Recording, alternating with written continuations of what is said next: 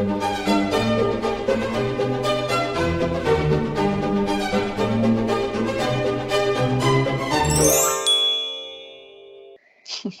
och välkomna till Kungligt! Med Jenny Alexandersson. Och Sara Eriksson. Och den här veckan så ska vi göra en djupdykning i furstendömet Monaco. Och eh, ja, det finns nog inget annat kungahus eller furstehus som har drabbats av så många skandaler, kärlekshistorier och ond bråd död som Monaco. Och vi kommer prata om Grace Kellys tragiska öde, först Alberts långa väg till kärleken och ja, men alla de här skandalerna som har avlöst varandra. Men innan vi dyker ner i det här ämnet så har vi några kortare kungliga nyheter som vi vill dela med oss av. men den första april så klev ju prins Harry och Meghan in i sitt nya liv utanför den kungliga sfären. Eh, då började de här nya reglerna att gälla och paret utgör inte längre en del av det kungliga huset i Storbritannien. Och just nu så befinner de sig i Los Angeles. Eh, de flög från Kanada till USA innan eh, gränserna stängdes. Och de verkar leta efter hus där. Och president Donald Trump, han gav ju paret verkligen en känga för att han twittrade ju om att han minsann inte skulle betala parets säkerhet. Och det tog nog skruv för att en stund senare så meddelade paret att jo men de ska ju själva stå för den kostnaden. Och, ja och det här har ju liksom alltid varit, eller sen de meddelade att de inte längre ville vara en del av det kungliga huset så har ju det här varit en väldigt het fråga. Verkligen och det är det, det handlar om 25 miljoner kronor per år.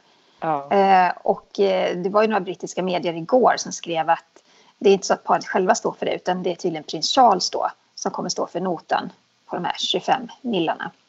Ja, och innan de klev in i de här nya reglerna och det nya livet från och med den första april, då sa ju faktiskt Harry och Meghan hej då och tackade alla sina följare på Instagram. Och de belyste även vikten av att vi nu i den här svåra tiden i och med corona måste hålla samman och stå starka. Men tror du inte att de kommer skaffa ett nytt Instagramkonto?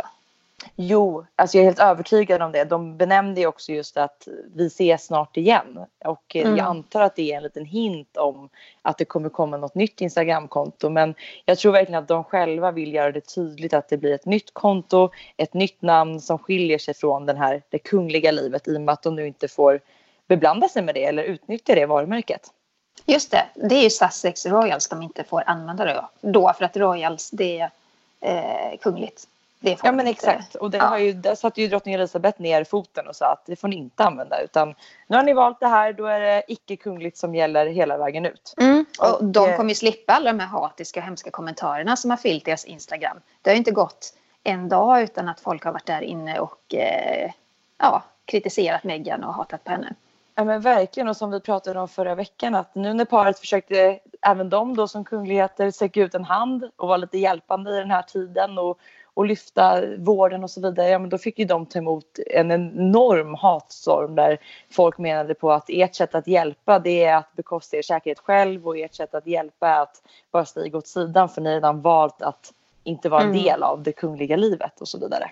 Men du, om de nu inte vill vara en del av det kungliga livet och uppenbarligen tycker så otroligt in, illa om fotografer och journalister och uppmärksamheten. Varför i hela friden bosätter de sig i Los Angeles? Ja, du, det kan man ju verkligen fråga sig. Jag tänker att där hade ju Kanada varit betydligt bättre, vilket paret först flaggade för att det var där de skulle bosätta sig och eh, sägs även att de har ett hus där. LA är ju liksom kändistätt och där kommer ju de absolut vara av intresse liksom de har varit i Storbritannien och de kommer säkert att ses i de här sammanhangen också. Så jag förstår inte riktigt deras val mer än att Megans mamma bor ju förvisso där.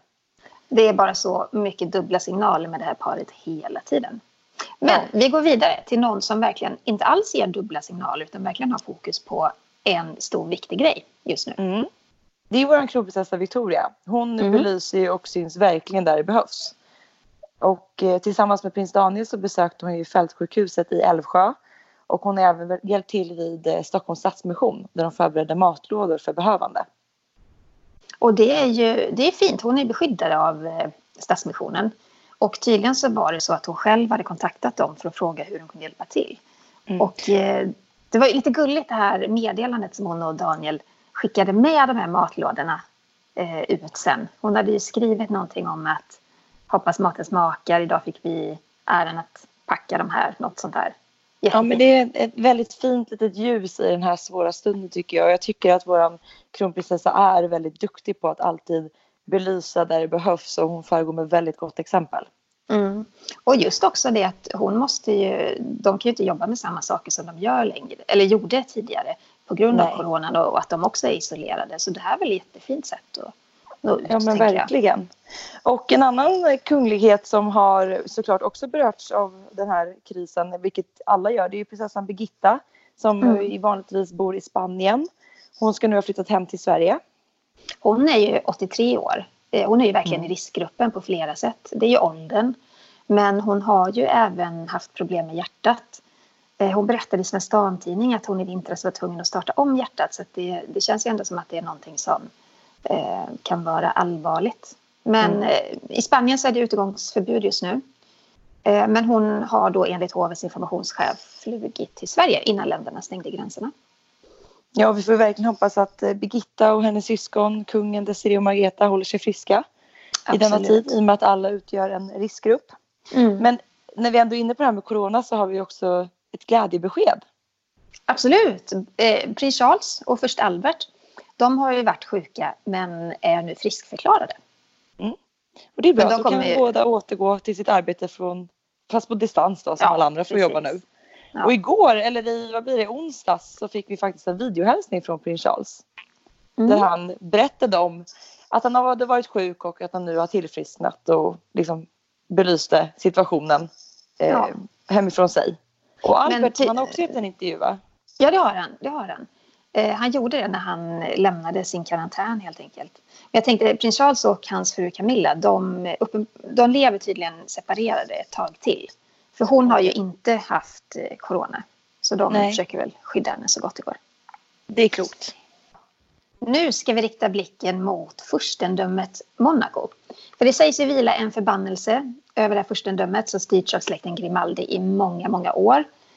Ja, i alla fall om man ska tro den sägen som gått om släkten sen först Reniers mamma under början av 1900-talet blev känd för sitt vilda ute. Innan vi kastar oss in i den här spännande historien så ska vi bara tydliggöra vad ett furstendöme egentligen är. För det är ju ett eh, självständigt och i regel mindre landområde som har en furste som statschef. Och Monaco det är Europas minsta stat, frånsett Vatikanstaten då. Eh, och förutom Monaco så finns det två andra självständiga furstendömen. Det är Luxemburg och Liechtenstein. Och det är ju en form av monarki helt enkelt. Furstendömet Monaco det skapades ju redan under medeltiden och eh, 1297 så ockuperades staden av släkten eh, Grimaldi som var på flykt under inbördeskriget i Genua. Och sedan dess har Monaco med viss uppehåll styrts av den här ätten. Och det är lite komplicerat men Monaco är då knutet till Frankrike genom ett fördrag. Monaco får vara oberoende på villkoret att den inte för en utrikespolitik som strider mot Frankrikes intressen. Och det är faktiskt därför som Monaco oftast har en franskfödd statsminister. Och idag så är det ju först Albert den andra som ja, sedan 2005 så har han varit regerande furste av det här Lilleputtlandet. Och han tog över efter sin pappa, först René. Och hans pappa, det, han var ju liksom, precis som han själv är, en mycket omskriven kunglighet. Och eh, René av Monaco han föddes den 31 maj 1923 i Monaco och han besteg tronen som Europas yngste monark då han endast var 27 år gammal 1949. Och eh, det finns ju ganska nära kopplingar mellan Monaco och, Monaco och Sverige. Eh, för att René han fick precis som hans farfar och far eh, ta emot Serafimerorden av den svenska kungen. Och han var god vän till familjen och besökte ofta Rivieran. Och så ser det ut än idag, liksom, att Monacos eh, försthus det har ju, fortfarande står ju nära det svenska. Och de har varit gäster på svenska kungliga bröllop. Och Victoria och mm. Daniel de har ju varit gäster när Albert och Charlene gifte sig till exempel. Ja, och våra svenska kungligheter tycker ju också mycket om att spendera gärna sommarhalvåret just på Rivieran. Ja, och de har ju hus eh, i Villa Mirage. Det är inte ja, jättelångt därifrån. Nej, men tillbaka du... till historien. Nej, förlåt Sara, vad sa du? Det är så svårt när man inte sitter mitt emot varandra. Men... Jag vet, det är jättesvårt nu när man spelar in på distans. Vi sitter ja. liksom med varsin ände av lurarna men vi, vi får försöka ändå. Det är så svårt, annars har man ögonkontakt med varandra. Ja, vad skulle du fråga? Men jag skulle fråga om du har varit i Monaco någon gång? Det inte. Jag, jag har träffat prins, eller först Albert men jag har inte varit i Monaco. Jag skulle jättegärna vilja åka dit faktiskt. Mm. Mm. Det ser tydligen vara jättevackert. Har du varit där? Jag har åkt tåg igenom Monaco då jag hade varit på den franska rivieran och skulle åka till Italien. Mm. Men jag stannade aldrig där vilket jag ångrar och jag hoppas att jag någon gång får åka dit. Det Men, hoppas jag också. Tillbaka till historien då. Ja. Sex år efter att eh, Renér hade krönts så började tidernas största kärlekssaga. Den mellan Grace Kelly och eh, först Renér. Och eh, hon var ju ung, vacker och verkligen en firad filmstjärna. Han var ju ja. väldigt rik och spännande och dessutom första av Monaco. Ja, alltså det paret var ju... Man kan inte riktigt eh, förstå idag hur omskrivna och beundrade de var. Eh, men i alla fall, de träffades för första gången på filmfestivalen i Cannes och det var 1955. Och eh, då var det så här att först René tillsammans med sin syster Antoinette de stod ju då värdpar för en fantastisk fest i den här pampiga fursteborgen i Monte Carlo. Och mm. det var ju då, eh, då som René träffade eh, Grace Kelly. Hon var ju bara 26 år då. Hon hade vunnit en Oscar. Hon var ju väldigt, väldigt populär och firad. Mm. Det var hon verkligen. Och eh, Grace var ju då själv på den här filmfestivalen för att marknadsföra filmen Ta fast tjuven. Och hon gick ju då med på att göra en fotografering tillsammans med Renér för tidningen Paris March. Eh, och det sägs då att det ska vara ett kärleks första ögonkastet mellan dem. Ja, det kan jag tänka mig. Alltså, vilket, det är ett superspännande par.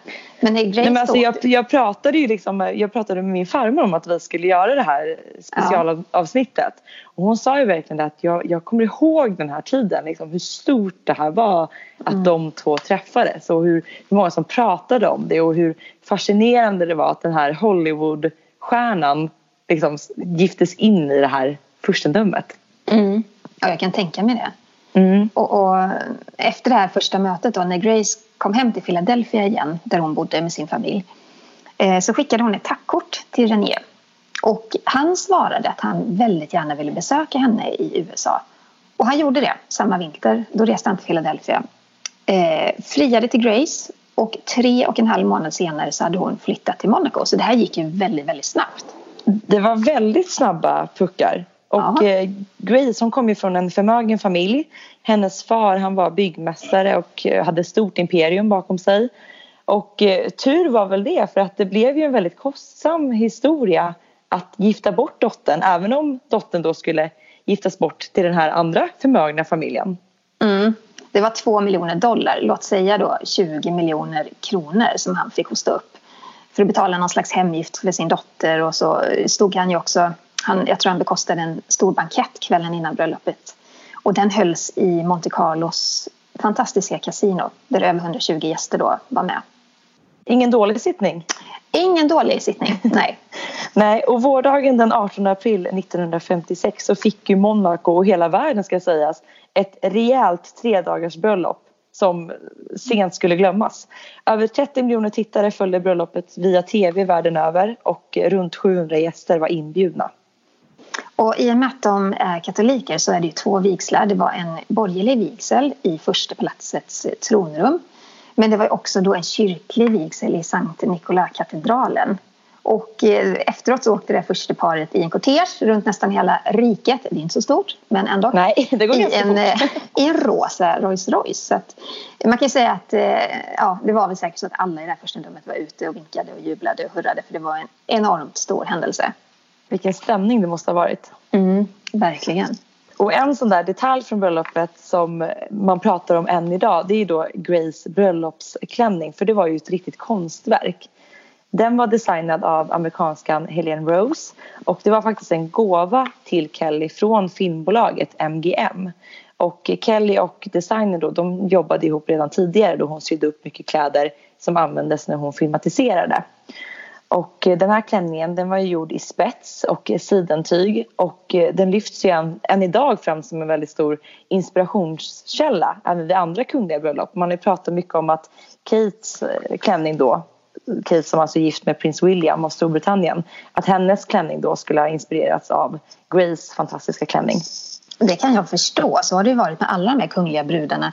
Även nu liksom vid senare tid att eh, det är många som efterapar de här modellerna mm. sen mm. sina egna bröllop. Och ja, den här exakt. klänningen den var ju långärmad. Eh, den var fram till prydd med, det var liksom en knapprad eh, fram mm. till och en stilig hög hals som var väldigt effektfull. Och så var den då mm. prydd med tusentals diskreta små pärlor. Och eh, den här klänningen ska ha kostat 60 000 dollar. Vänta lite, och, 60 000 dollar det är liksom ja, runt 600 000 kronor. Ja, det, det är var, inte dåligt. Hoppas att man inte spiller någonting på den klänningen under Precis. kvällen. För att efter så skänktes ju då klänningen till eh, ett museum, Museum of Art i Philadelphia. Men hon bar inget diadem, eller hur? Nej, och det kanske var lite av en besvikelse som en diademälskare, den som man är. Ja. Men istället så bar ju hon ett väldigt vackert, vad ska man kalla det, som nästan hårband eller någon form av cape eh, som lik klänningen var broderad med pärlor och spets. Men du, vi måste ju prata mer om den här festen. Eh, du sa ju 700 gäster. Ja. Eh, det var ju magnifikt. Det var ju överdåd utan ja. Guds like. För att det bjöds inte på någon torrkyckling direkt utan det var kaviar, hummer och champagne i mängder. Och den här sju våningar höga bröllopstårtan den vägde typ 90 kilo. Kan du ja. tänka dig att vara med på den här festen? Det var nog spektakulärt. Men jag tror, det var, jag tror inte att man var blyg med att överösa på den tiden. Det, så jag tror att det är en väldigt stor skillnad mot, även om dagens kungliga bröllop är stora så tror jag att det inte riktigt går att jämföra med det här bröllopet. Nej, man hade kanske inte riktigt samma alltså moraliska betänkligheter kring att vräka på. Då vräkte man på. Jag tänker också att det var de här två väldigt lyxiga världarna som liksom skulle mötas. Den här ja. glammiga filmvärlden som skulle möta den här kungliga guldvärlden på något sätt. Mm. Mm. För de, vilken kväll! Ja, vilken kväll. Och sen drog de iväg på en lyxig bröllopsresa ombord på en yacht. Och eh, det verkar i alla fall utåt sett som att Grace kom snabbt in i hovlivet och det så, såg ju verkligen ut som en sann Askungesaga, den här Hollywoodskådisen som blev eh, prinsessa. Ja, och eh, det tog inte lång tid för att i slutet av året så började ju en liten mage att skymtas. Och det finns ju en väldigt känd och omskriven bild på Grace när hon försöker dölja den här bebiskulan med sin handväska från det exklusiva det. modehuset Hermes. Och eh, sedan dess har ju faktiskt den här modellen på väskan kommit att kallas just för Kellybag. Coolt. Hon fick ge namn åt en lyxväska. Exakt. nästan på pricken nio månader efter bröllopet så födde Grace en dotter. Det var den 23 januari 1957 som Caroline kom till världen och eh, ungefär ett år senare, 14 mars, så föddes sonen Albert. Och vid den här tiden så hade ju Monaco, precis som Sverige också hade vid den tidpunkten manlig tronföljd. Mm. Och i och med att Albert då föddes då var ju tronen säkrad. Och sju år senare så kom lilla syster Stephanie. Så familjen var komplett. Ja, men det är otroligt ändå det här kungligheter, bröllop och sen få ett barn nio månader senare. Det är nästan som på beställning. Eller hur? Det är sällan man hör talas om kungligheter som börjar med barn. Ja, men exakt. Så det, ja. det ser väl inte lika eh, fint ut kanske.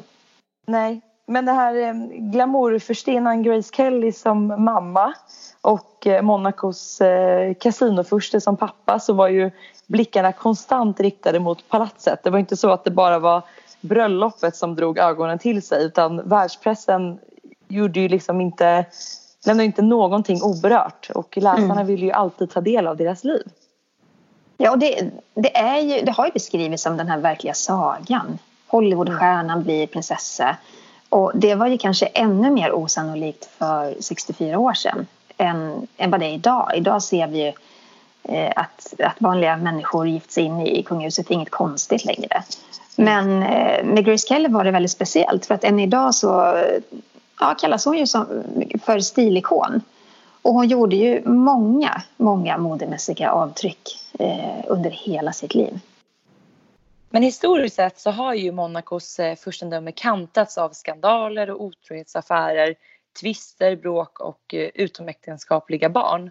Och först Alberts farmor, alltså Grace Kellys svärmor, prinsessan Charlotte, hon var till exempel ett så, så kallat oäkta barn till Ludvig den andra. Och eh, det var inget som den amerikanska skådespelerskan tog in bakom slottets väggar. Men media de ville ju gärna framställa det som att det var just Grace som skapade de här skandalerna och att de blev omskrivna på det här sättet. Samtidigt som bilden av henne och deras liv glimrade över hela världen likt en global angelägenhet. Och sen är det skillnad på vad folk ser utåt och vad som händer bakom eh, slottsväggarna. För att som monegaskisk förstinna då så kan ju livet vara fantastiskt lyxigt men också väldigt eh, enahanda kanske. För att Grace mm. hon fick ju då ge upp sina filmplaner och ägna sig åt välgörenhetsarbete. Och då var det väl fokus på barn och unga mödrar som hon hade valt som sin grej. Eh, yes. Annars så ägnade hon ju dagen åt att läsa poesi, har det beskrivits.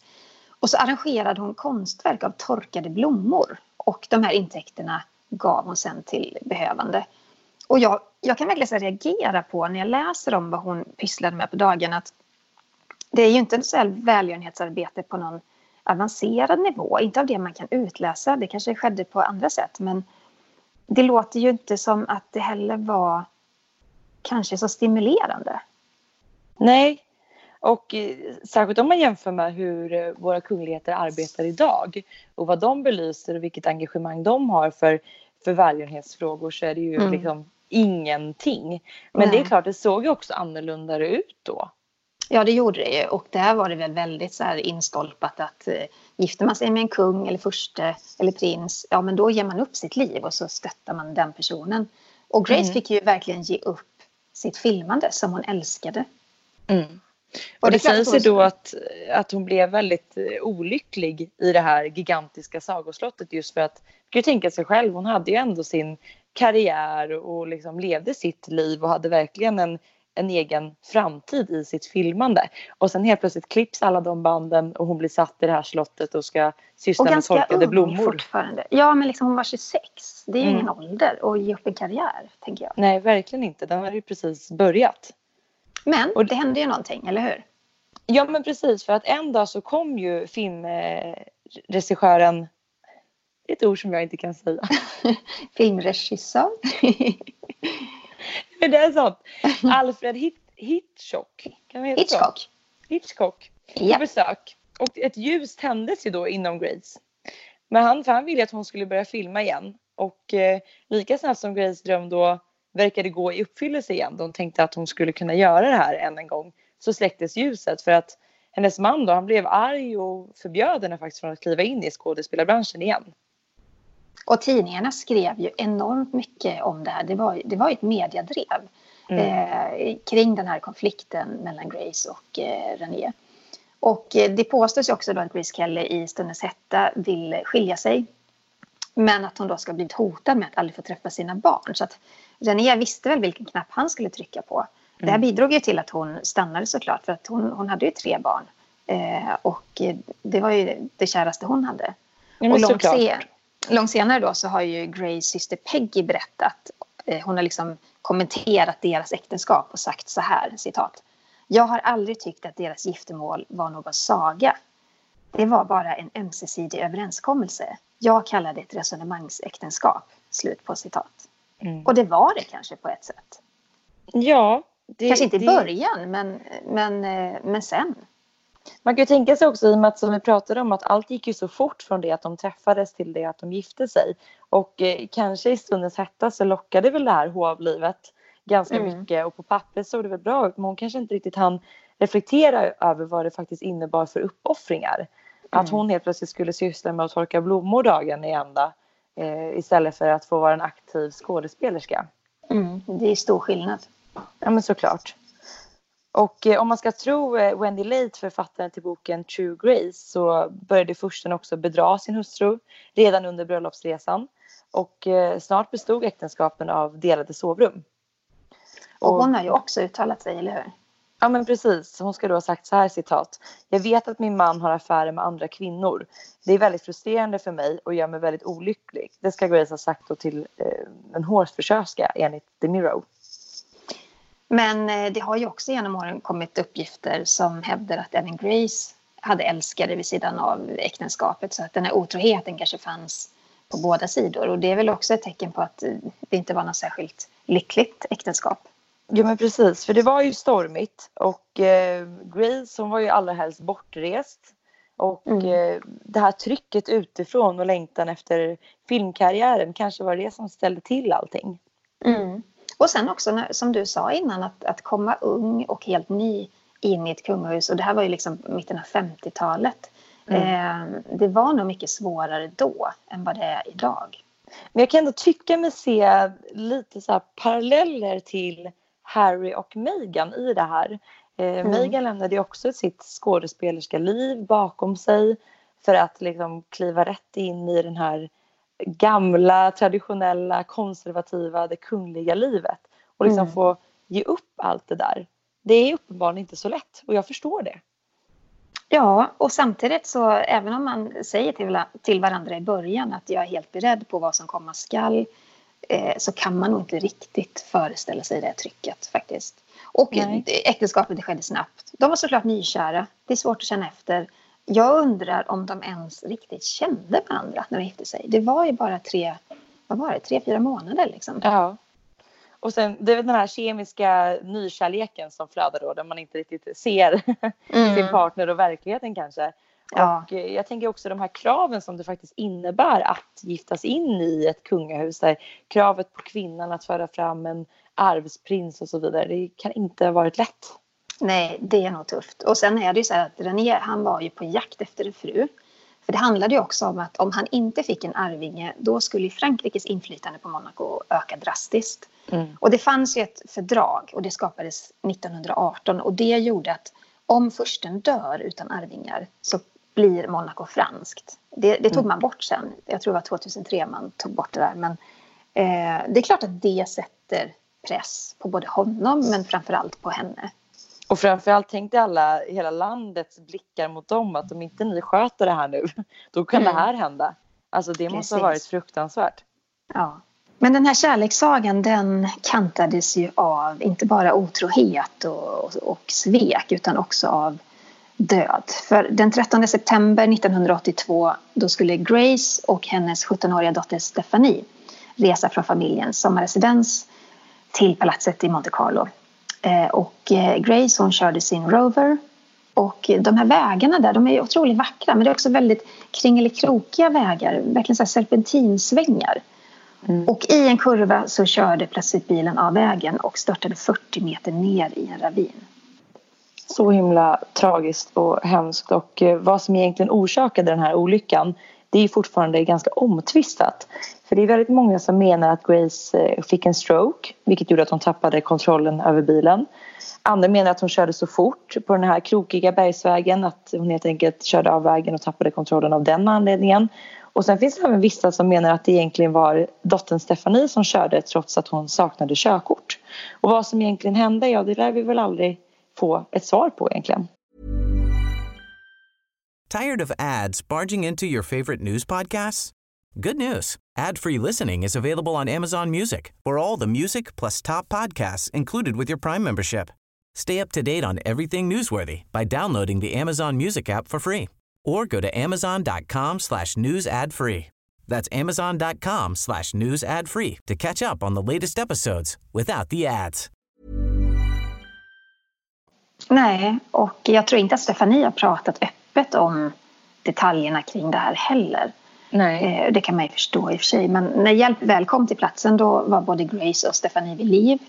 Grace var medvetslös men hon andades och eh, Stefanie hon hade ja, lite mer lindriga skador. Men det påstås ju också då att ingen av dem hade använt bilbälte och det kan man ju undra, hade det gått annorlunda ifall Grace hade haft bilbälte? Det vet man ju inte.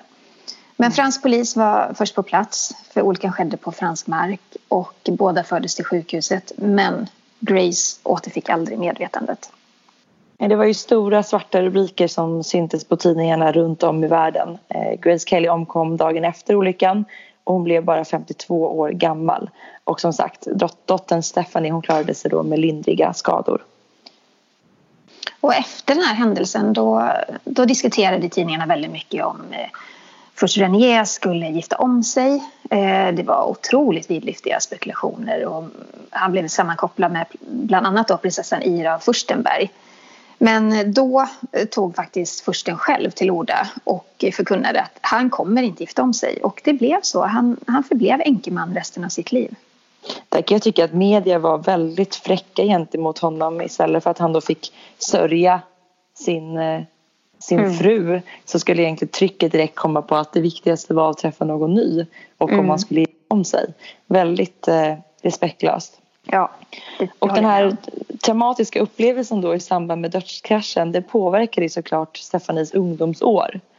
Hon gjorde väldigt tidigt revolt och blev eh, en motpol till sin eleganta mamma och eh, under studietiden i Paris så visade hon absolut upp sin fallenhet för det vilda med mycket droger, alkohol och eh, sena nätter även på det vardagliga schemat. Det var ett tag där som hon jobbade som modell för modehuset Christian Dior. Jag tror det var mellan 83 och 84. Och faktiskt designade en egen kollektion av baddräkter under mm. namnet Pool Position. Snyggt. Eh, ja, snyggt. Och hon gjorde en karriär inom musikvärlden. Det var 86. Då hade hon singlarna One Love To Give och Irresistible. Och de hamnade ganska högt upp på, på listan och, listorna och sålde ganska bra. Den här One Love To Give den låg etta på de svenska topplistorna 1987. Och hon spelar även in en ja, duett. Ja, precis, med Michael Jackson. In ja. the Closet. Och den såldes ju faktiskt över, med över fem miljoner skivor. Så det var en riktig panglåt. Mm. Mm. Men det blev ju sen, det var inte bara ungdomsår som var lite stormiga. Barn och ett mycket kort äktenskap med livvakten eh, Daniel Durek. Så var, the tre, så var förbannelsen åter tillbaka. Ja.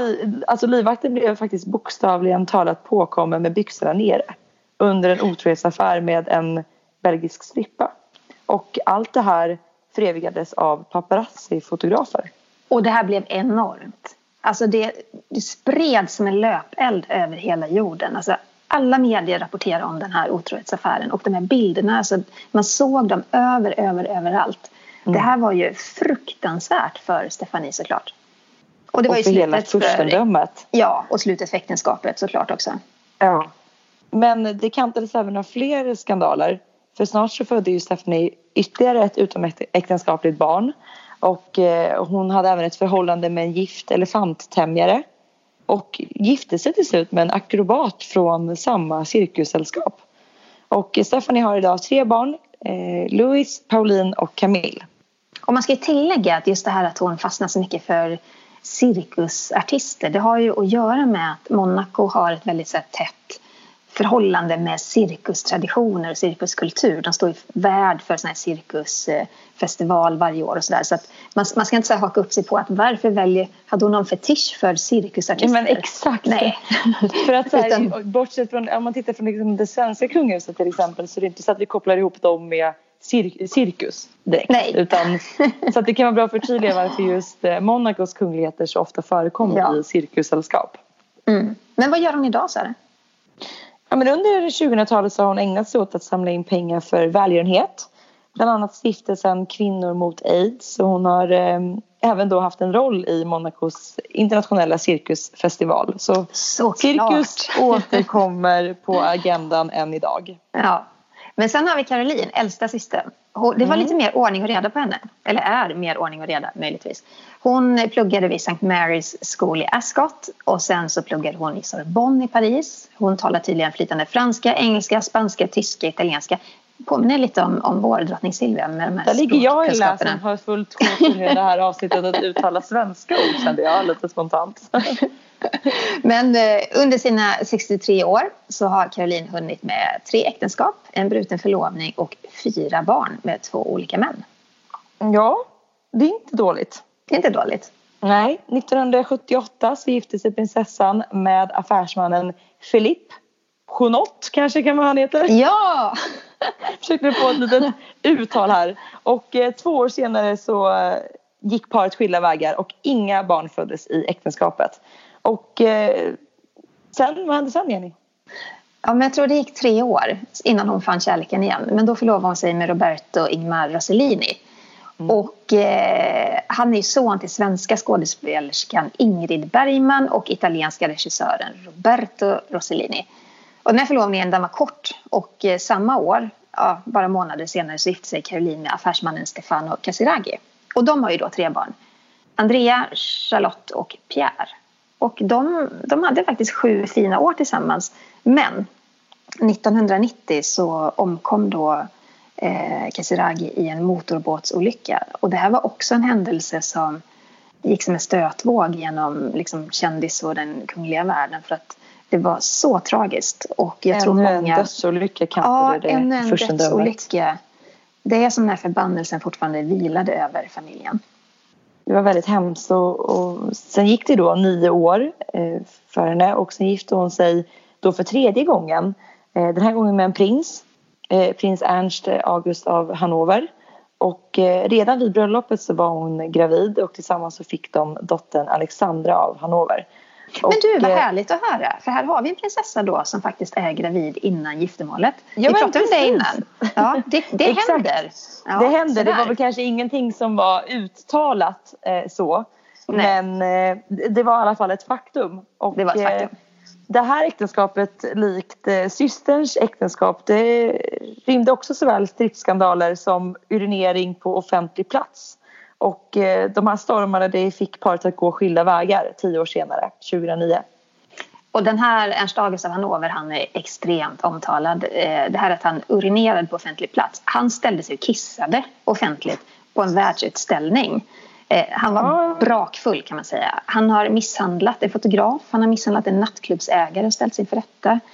Eh, Och nu på senare tid, jag menar, ett tag var han tillsammans med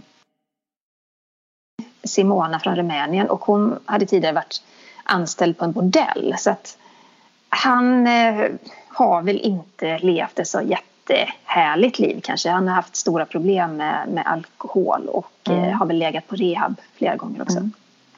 Jag tänker så här, båda de här döttrarnas uppväxt. Eh, det pratas mycket om då att det är deras uppväxt som då har präglat kanske lite deras agerande och kanske lite lagt ribban för just det här, just den stormiga delen i deras liv. Eh, Mm.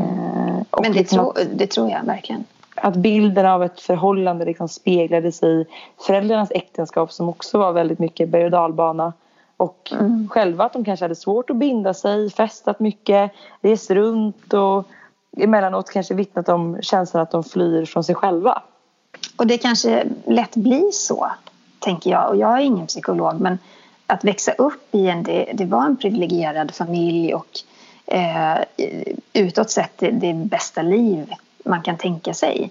Eh, med pengar och, och makt och allt sånt där. Men, men det var också instabilt. Så enormt instabilt i relationer till varandra.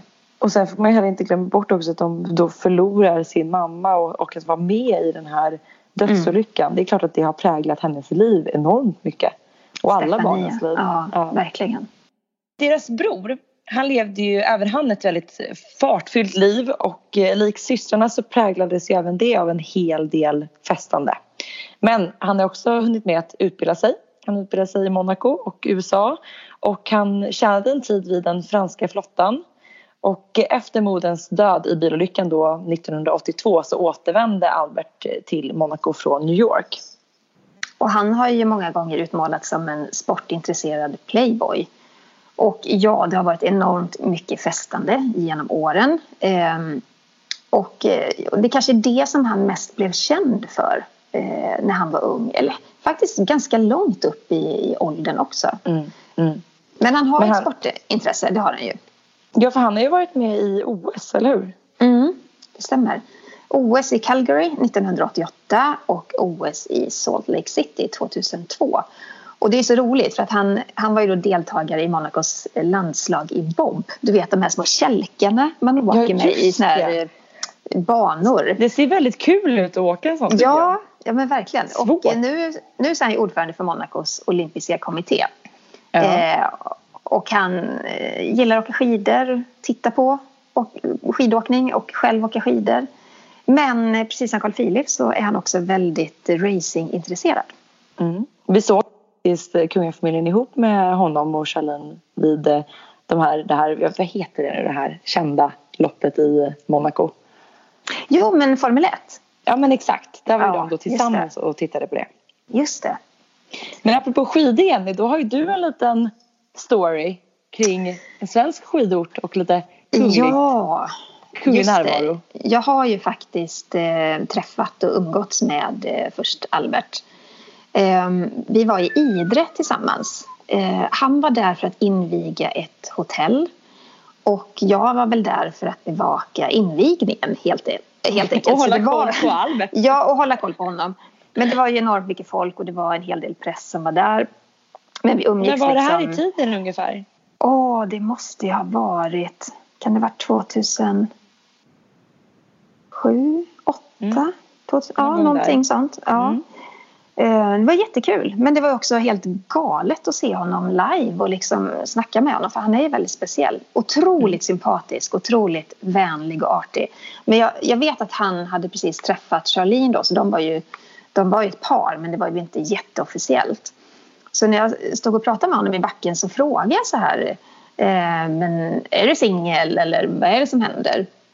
Och då, han är ju väldigt så här flörtig av sig. Då hade han bara så skrattat och tittat sig omkring. Så bara, ser du någon, ser du någon tjej här? Oj, Eh, ja. så, att, så att han är ju liksom... Det är en stor del av hans personlighet, just det där. Alltså, skämta lite, flörta lite. Och han vet eh, hur han ska roa sig. Herregud, jag kommer ihåg den första kvällen där vid invigningen.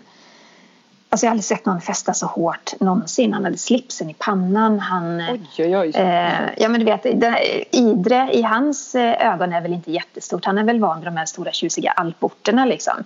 Eh, men han, han eh, visste hur han skulle festa och det blev sent kan jag säga. Han, drog, han liksom tog alpfesterna till Idre kan man säga. Ja, det kan man Ja. säga. Ja. ja, men spännande då att du var på plats. Ja, men det, det var ändå kul att träffa honom för att som sagt han är väldigt sympatisk och eh, otroligt vänlig. Men det är också det att han, har ju, han är förtjust i tjejer liksom. Det var ju no, någon gång där på kvällen han hade någon tjej i knät och tyckte det var jättetrevligt. Men eh, whatever. Eh, Ja, för att ja. det är lite som du säger så är det ju så att den här världsvana monarken han hade ju under många år nästan till ett eh, bisarrt kärleksliv. Han dejtade ju kvinnor på löpande band och det här skrev ju media otroligt mycket om. Och eh, det uppgavs bland annat att han haft en rad affärer med både kända supermodeller och artister. Ja, och det sägs ju också, det behöver inte alls vara sant, men det har ju pratats om att han även har varit lite förtjust i män. Det jag vet Mm. inte om, om det är så, men, men eh, alltså jag minns att eh, en fransk journalist som jag känner bevittnade en sån här vild fest i Monaco och där är ju festerna på en helt annan nivå kan man säga. Ja. Eh, det var på någon sån här tjusig eh, bar slash restaurang. Det var otroligt mycket folk. Albert var jättefull. Eh, Charlene var med, för de hade träffats då. Hon stod tydligen mest och såg uttråkad ut medan Albert dansade med andra tjejer och eh, höll hov. Och det kanske inte alltid är så jättekul att vara tillsammans med en festprisse. För det kanske också Nej. slutar med att man hamnar i ett hörn och tycker det är lite tråkigt helt enkelt. Ja men exakt. Och, ja, men det har inte bara varit så här celebra kvinnor som Albert har fallit för. Eh, den då 30-åriga amerikanskan Tamira eh, Rotolo hon var ju gift och jobbade vanligtvis som servitris. Och hon var i Monaco bara för att turista. Och där ska hon då ha träffat Albert som inledde en kort relation med henne. Och hon blev ju gravid. Mm. Eller hur? Mm. Yes. Eh, 1992 var det. Ja. Och då föddes eh, Jasmine för att få Albert erkänna det här faderskapet. Men det dröjde faktiskt ända fram till 2006 innan DNA-provet tvingade honom att ge upp den här skandalösa processen. Och eh, hon fick Hon säkerligen fick ju- pengar. Ja, Tror det inte tror jag också. För hon, han vill ju såklart se till att, eh, om, att om det är hans barn, att, att barnet blir försörjt. Det Såklart. sägs ju också att hon fick ett hus på, på Rivieran så att hon klarade sig nog tror jag. Hon och Ja. Och idag så har ju Albert och hans dotter visserligen en god relation. Jasmine hon studerar i New York och visar sig då och då på offentliga tillställningar både med och utan sin pappa som sällskap. Och eh, hon twittrar ganska mycket och skriver gärna om sin pappa och lägger upp bilder på honom och sin farmor Grace Kelly. Och eh, hon har ju till och med klätt ut sig en gång till Grace Kelly vid en galamiddag. Ja, alltså och de är när ganska man, lika. Ja, de är lite lika och när man följer henne på Instagram så, så ser man, man får liksom en känsla av att hon är lite, lite, lite besatt av, av sin farmor Grace Kelly. Eh, Det Mm. återkommer hela tiden helt enkelt. Just det. Men däremot så har det varit lite si och så med eh, papparollen när det kommer till hans Alberts andra barn, Alexander Koste. Det är ju så att eh, Albert hade en sju år lång affär med flygvärdinnan Nicole Koste. Och eh, deras eh, till en början då hemliga relation den började under en flygning mellan Nice och Paris 1997. Mm. Och Nicole hon var 26 år, hon var flygvärdinna och kommer från Togo. Hon serverade champagne i första klass och fick då ögonkontakt med den här prinsen. Och han skrev frågat efter hennes mobilnummer. Och Nicole har ju själv berättat att hon skrev inte ner på någon servett utan hon skrev ner på ett fint papper då som tillhörde första klass. Och det har hon berättat Flott ska det vara. ja, i en intervju med Mail on Sunday. Men de började umgås flitigt. Eh, och hon var i Monaco och hälsade på honom i hans palats. Ja, och till slut så tog den här relationen slut och då ska Nicola upptäcka att hon var gravid. Och år 2004 så föddes då Alexandre. Och eh, inte heller i det här fallet så ville Albert först erkänna faderskapet. Eh, idag är dock Alexandre officiellt först Alberts son. Albert och Jasmine de föddes utanför äktenskapet och det är ju lite eh, speciellt då när man har en sån officiell kunglig roll helt enkelt. Ja, för det bidrar ju till att de inte har någon chans att ta över kronan. Mm, Men de, de, har ju liksom båda, båda halvsyskonen har ju rätt till ett ekonomiskt miljardarv vilket inte heller är fy skam. Nej men verkligen inte. De har framtiden tryggad helt enkelt. Men under de här åren då när, ja men det var ju såklart otroligt omskrivet alla Alberts affärer och det var kvinnor och det föddes barn som, fast han var ogift och så vidare. Och eh, det pratades ju, så det började bli lite oroligt i Monaco. Man undrade så här, hur ska det bli? Kommer det födas någon arvprins eller prinsessa och kommer han någonsin ens att bli gift? Och eh, det pratades ju till och med om att kronan behövde övertas av eh, Alberts stora syster Caroline. Mm. Då det... alla ställde sig tvivlaktiga inför att ja. det skulle komma en arvinge. Och det var det som bidrog till att man då 2003 upphävde det här fördraget från 1918 det var ju det som pekade på att Monaco blir franskt om Reniers tronföljare dör utan en arvinge. Men i det här fallet och nu då så kommer istället prinsessan Carolines äldsta son att ärva tronen om det hade varit så att eh, först Albert inte hade fått barn helt enkelt. Ja men precis. Och eh, den 7 mars 2005 så togs Alberts far Renier in på sjukhus för intensivvård på grund av hjärt-lung och njursvikt. Och då fick ju Albert ta över faderns arbetsuppgifter mm. helt enkelt. Just det. Eh, och det var ju då de här ryktena började florera, eller det här pratet att eftersom man inte har någon arvinge då blev det väldigt oroligt kring mm. successionsordningen. Mm. Såklart, och det dröjde ju inte länge för 6 april 2005 så somnade han Renér in, 80 gammal, eh, hyllad världen över som djupt respekterad av världssamfundet. Och då var det helt enkelt Alberts tur att ta plats och ta över efter mm. sin far. Och det var den 12 juni 2005. Då eh, tillträdde han tronen formellt med en kröning vid en katolsk mässa. Där försten då välsignades av Monacos ärkebiskop. Och eh, i samma stund så tog han och syskonen farväl då av sin pappa. Väldigt så speciell situation. Dels ta farväl i samma stund som man ska äntra den här rollen. Ja men verkligen. Och men det var kung... mycket... Mm. Förlåt. det här med att inte se varandra. det är svårt. Ja men, men kungligheter från eh, hela världen var ju på plats. Ja det var Ja men det var de. Det, Victoria Daniel var ju där. Victoria Nej. var där va? Utan Daniel? För de... Daniel var inte med. Daniel var inte med. Men däremot var Norges kronprins Haakon Ja, nu tänkte jag på bröllopet mellan Albert och eh, Charlene. Nej, nej, det här ligger ju tillbaka. Det är 2005. Precis, det kommer lite längre fram. Precis. Ja. Men hur gick den här ceremonin till då? Alltså vad gör ja, de? Här? Iförd en eh, ceremoniell uniform så knäföljer då prins Albert för att motta välsignelsen av ärkebiskopen Bernard eh, Barsi. Och eh, Albert han höll tillbaka tårarna men hans systrar prinsessorna Caroline och Stephanie de fick torka ögonvrårna, vilket såklart är, var förståeligt. Och eh, prins Albert han övertog då tron, tronen som 47-åring när fadern hade suttit i 56 år. Det är lång tid att sitta på tronen. Mm. Så han tog alltså över tronen när han var 47 år gammal och den här ständiga ungkarlen han hann fylla hela 53 år innan han till slut gifte sig. Och ja, det oroliga folket de hann ju nästan till bli desperata. Sin kärlek sydafrikanska OS-simmerskan Charlene Wittstock. Och de träffades vid simtävlingen Mare Nostrum i Monte Carlo i Monaco. Och samma år så hade Charlene faktiskt representerat Sydafrika i simning på sommar-OS i Sydney. Men det var ju sen inte förrän sex år senare som vi faktiskt fick se paret tillsammans. Och eh, sedan dess har ju Charlene varit med prinsen på officiella uppdrag. Ja, och de förlovade sig den 23 juni 2010. Och eh, vigseln ägde rum den 1 och 2 juli 2011. Och precis som när Grace Kelly och Renier gifte sig så bestod det då av en borgerlig vigsel och en katolsk vigsel. Ungefär 3500 personer som fick delta i festligheterna. Det var generöst. Snyggt. Väldigt generöst mm. och väldigt pampigt. Och de här dagarna de bestod även av stora middagar med alla gäster från världens alla hörn och eh, givetvis så var ju också den svenska kungafamiljen på plats för att fira de nygiftas kärlek. Mm. Och eh, jag kommer ihåg att vår kung eh, Carl Gustaf han var ju väldigt stilig i sin vita smoking. Ja. Som du också sa var ju såklart även kronprinsessan Victoria och prins Daniel på plats. Ja. Men hennes klänning den var ju annorlunda i jämförelse med hennes framlidne svärmor Grace. Den bestod av mer än 50 meter sidenduchess. Eh, men även om den skiljer sig åt mot Grace klänning så återfanns även vissa detaljer.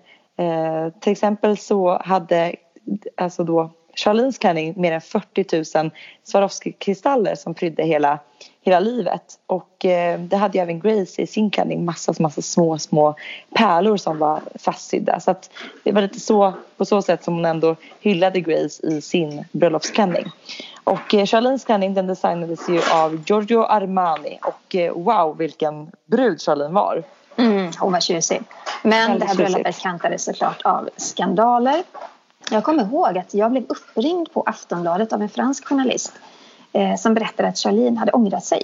Hon mm. hade fått vetskap om någonting som gjorde att hon inte längre ville bli Alberts fru.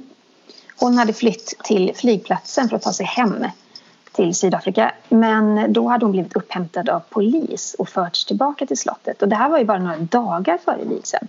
Men jag ska lägga till en brasklapp här för att hur sant detta är i detalj, det vet ju bara Charlene och Albert och de mm. närmast inblandade. Eh, men tidningar över hela världen skrev om det här och det verkar som att det var någorlunda bekräftat det här liksom med flygplatsen och, och sådär. Men eh, som sagt, den här skuggan över familjen Grimaldi den eh, flödade förbi även under det här bröllopet helt enkelt. Men det är så intressant också för den här frågan, det här är någonting som det pratas väldigt mycket om och eh, Charlene och Albert har ju verkligen fått besvara den så många gånger men man får aldrig någonting ur dem när det kommer till det här. Mm. Nej, så är det. Men i maj 2014 då meddelade, meddelade hovet att paret väntade barn och två stycken dessutom. Ja, och den 10 december 2014 så fick Charlene och Albert tvillingarna Gabrielle, Teresa Marie och eh, Jacques. Jacques.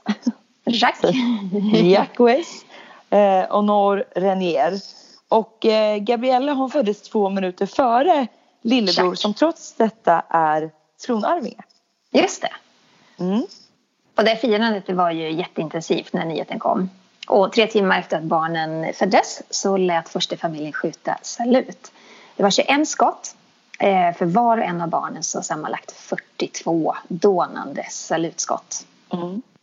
Men varför snuvas då hon på tronen, Jenny? Jo, men det är då Jacques som blir nästa person i tronföljden. Eh, även om Gabriella föddes två minuter före sin bror eh, så är det så att successionsordningen i Monaco ger en manlig arvinge företräde.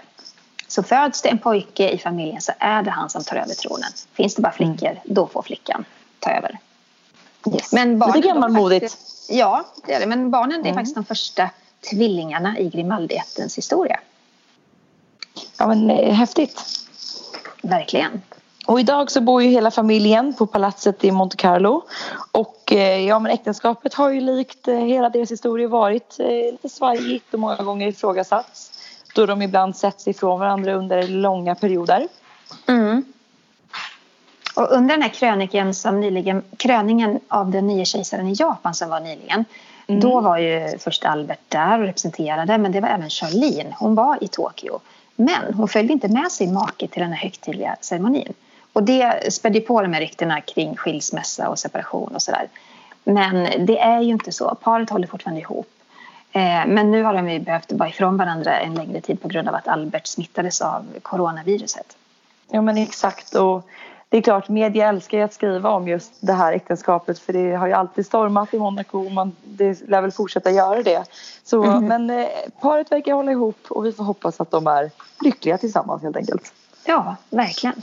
Och för att liksom avrunda hela det här specialavsnittet så Eh, skulle jag vilja ta upp ett par ord. Alltså, Albert själv sa några fina ord om sin mor vid en utställning av hennes kläder. Där sa han så här. Hon, citat, hon var en vacker och talangfull kvinna och en modeikon. Men det var bara en liten del av hennes liv. För det är det, alltså slutcitat, för jag tror att det är det som många, många ser henne bara som den här modeikonen men jag tror att hon var väldigt, väldigt mycket mer än så och man liksom ska komma ihåg henne även för det. Ja, absolut. Glöm nu inte att prenumerera på vår podcast så missar du inget avsnitt. Tryck på prenumerera-knappen så missar du ingenting. Och så följer du oss på sociala medier. Jag finns på Instagram, Kungligt med Jenny och Sara du finns? På royalistan.se och i dessa tider när vi ska hålla oss hemma så har man ju än mer tid till sociala medier så att där kan man följa mycket, mycket kungligt. Och vi har många avsnitt som man kan lyssna på i efterhand också. Just det, hand, gör gärna det. Ja, ta hand om varandra nu och ha en jättefin vecka. Ha det så bra. Hej då. Hej då.